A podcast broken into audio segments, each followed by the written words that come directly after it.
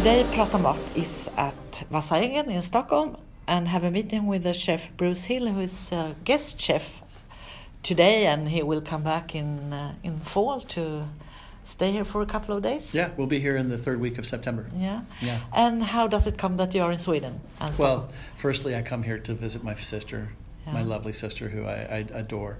Mostly, though, I just love the culture here. I love being here. I love the lifestyle here.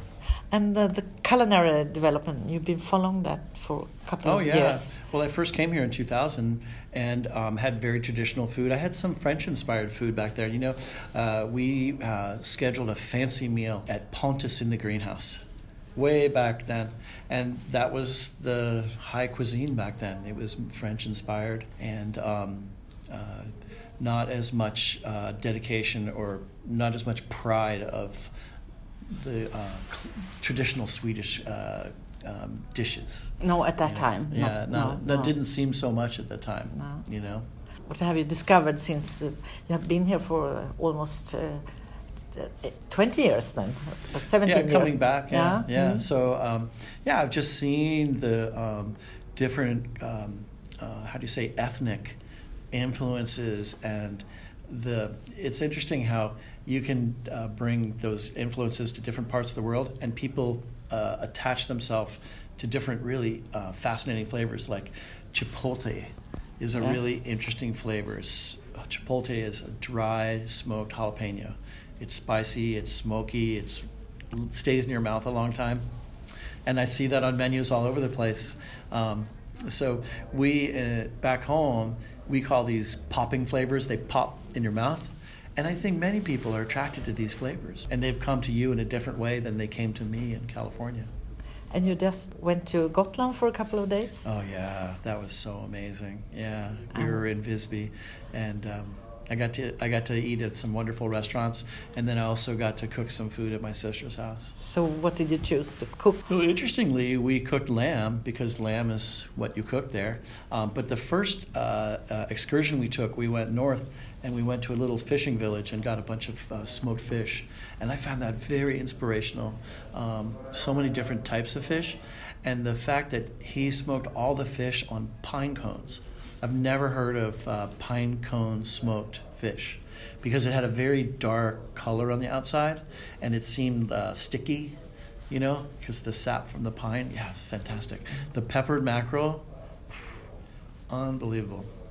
So, uh, do you smoke your food uh, at your restaurant? Oh, sure, yeah, yeah. In Oh. fact, that's a big part of California cuisine is grilling and smoking and smoky flavors. Yeah, so we uh, we do many different uh, preparations with smoke. You know, interestingly, in California, we grill on mesquite, and mesquite is a wood that I believe came from Mexico. And uh, when the Spanish came to Mexico, they brought mesquite north up to California. So a lot of mesquite cooking, but the flavor of mesquite has a lot of resin, like a sap flavor to it. So it's kind of sticky, and um, I had some common flavors there. Maybe you will bring some Swedish uh, wood or try to find the same as in Gotland too. Yeah, well, I'm going to try smoking on pine cones. That's for Mhm. sure. Mhm. Yeah. Tell me about, a little bit about your restaurant, but- because you have three restaurants all in uh, San Francisco. Uh, two in San Francisco, Oh. and one is in Marin County. So we're Yeah. across the Golden Gate Bridge north. And they are quite different. In what kind? Yeah, Or well, how, um, what, what's the Bruce Hill in them? That's interesting. It's all it's all kind of woven like a, a piece of fabric. Um, but what's Bruce Hill about the restaurants is um, uh, we uh, make discoveries. Sometimes the discoveries um, be, obviously become dishes. We taste and we say, "Gosh, we have to serve this to people." Sometimes we say, "Oh, that's a too little too weird." You know, we'll save that for another um, time. But um, I think what I try to bring to the um, restaurant is always some idea of optimism and that we can make it better and that um, our ideas um, really matter. You know, people say, oh, that's okay, but, you know, what's so good about it? Well, you know, what's so good about just Caesar salad? you know. But then you had my Caesar salad, and I think it's quite delicious. And Yeah, you can tell us a little about the Caesar salad because it was a little bit different. It Yeah. was uh, simplified, right, yeah, and light. You can say. Right. What's your uh, vision about that Caesar salad? Well, you, what's interesting about Caesar salad is that actually, um, if you look at it from a Japanese pr- perspective, it has a lot of umami. In so many ways, it's an umami bomb. It has anchovy, umami. It has garlic, umami. It has Parmesan cheese, umami. So it's really fascinating how something really simple can be really, really satisfying to your palate. So that's what I look for exciting flavors, just the right size so that you're not tired of it when you're finishing it. You know, it's not too big of a portion.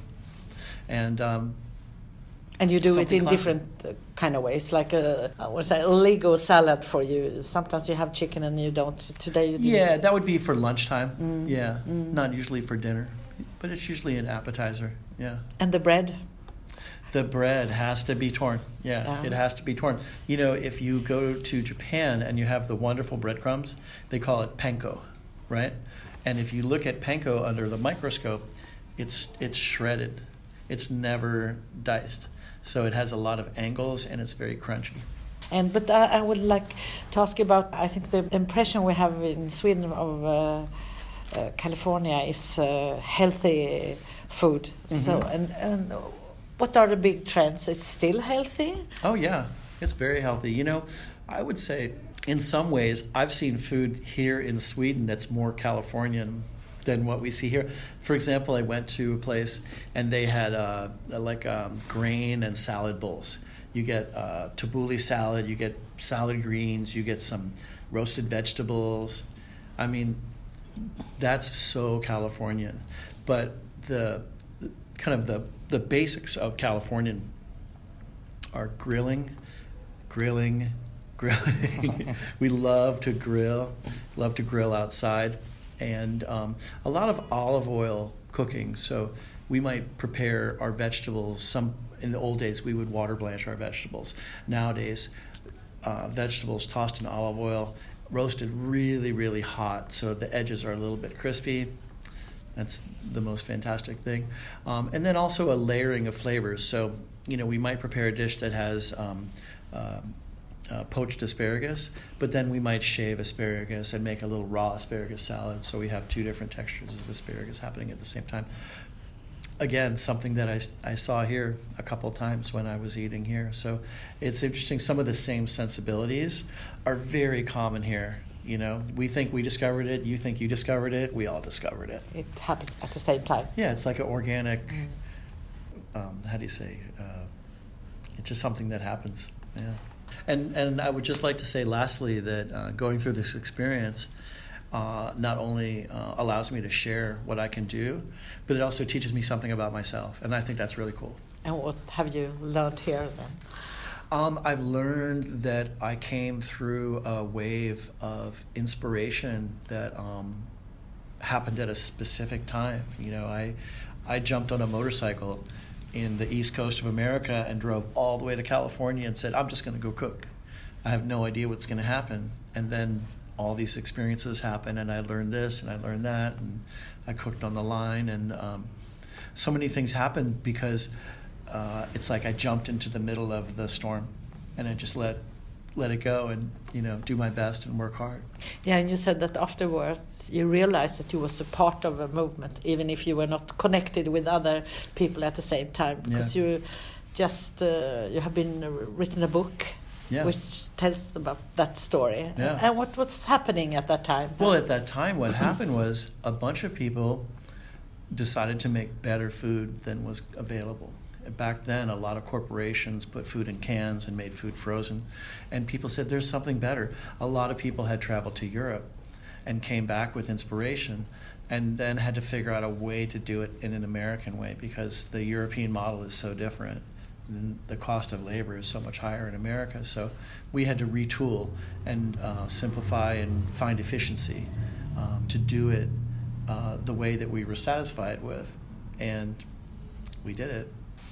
And, and do you think the, the the difference is that uh, the American food industry was so much more, I want to say, had so much more influence. It was industrialized in Europe and in Sweden as well, but Sure. not in this very hard way, total way, so that people lost their tradition or they were so much more open to a new system when they came to America. What, what, do you see any different in the way in Totally. Um, but what's really interesting, if you look at myself, I grew up with no traditions. So I'm, I grew up in a void.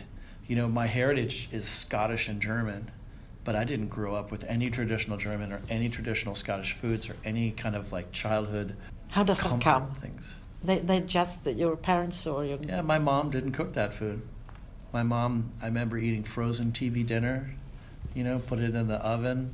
But then as I got older, my mom became experimental and she would have taco night or she would cook uh, Greek food. She would cook these uh, rolled beef around a pickle that was braised, or she would cook grape leaves. And um, so, in her 1970s way, my mom would try to uh, embrace different cultures. Mm. And I think that had a big impact on me because I said, oh, this is unusual, but still can be delicious, you know? But nowadays, I have the impression that uh, immigrants, which are a lot of people are, uh, they stay stuck with their traditions because it's such a big and part of their identity. That was very different in America. I, I have the impression that people coming from abroad to Sweden stay with uh, their traditions and are proud of it and Yeah. love the food. And uh, what happened in America with people and their food? I think it. I think in America, in some ways, it it broke down and it just it just distributed itself. Mhm. Um, I think that in America, um, the immigrant communities blended more, and there was a lot more blending of all kinds of societies, um, and uh, it became you know common. Like if you go to New York on Christmas Day, the busiest day uh, uh, is um, uh, to go to a uh, Chinese restaurant on Christmas.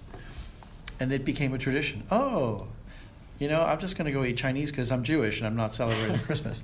So um, I think in so many ways we just didn't um, we didn't uh, second guess it. We just said, oh, this is just what we do. And um, I think you grow up um, trying different things. You know, I, I think, oh, you know, today's Tuesday. Oh, uh, well, I must go have tacos today. And then uh, Thursday, oh, well, I must have Thai food today. And it just keeps going around. So um, I think we. Uh, we just grow up with it and there's different like in san francisco there's different neighborhoods like there's a vietnamese neighborhood oh today i want to have pho or you know it's funny if i'm feeling a little sick i feel like i'm going to get uh, come down with a flu i'll go eat vietnamese soup because i feel like that's going to make me well again. So, are you digging back in your roots now with your Scottish and German background in a way? i haven't yet. I haven't yet. I go i go asia all the time. In fact someone asked me earlier like what's your favorite favorite cuisine? And i would definitely say japanese still. So, what will happen when you're coming back in um, in the fall? Well, in the fall, like I said, we're going to do a, a couple days here at Vassa Eggen. I'm going to bring my executive chef from Bix Restaurant, uh, Emmanuel Ing. Emmanuel is Chinese American. So he's a, a really interesting chef because he was born in America from a traditional Chinese family. So he knows Chinese traditional cooking, but he doesn't cook that way. He cooks California style, and we mix things together, just like um, the fish dish that you had today, and we put the XO sauce on it. That's actually one of his recipes that I took uh, because I thought it was so interesting. So you mix uh, techniques and flavors to make a Californian uh, Yeah. mixture, or what, what did you say? Yeah, well, I think it, we're trying to show honor of an immigrant story. You know, so the story of immigration is you bring your culture with you, but then it changes once you get there because you have to adapt. And um, that's the really interesting thing for me is to see how these immigrant stories can become magic and delicious and enjoyable.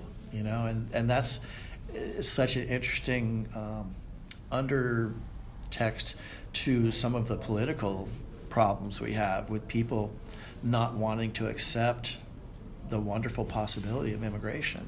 I'm very liberal, so you're going to hear me. You know, my side is a very, very liberal opinion. We, we leave this. uh, Yeah, we're not going to talk about him. No.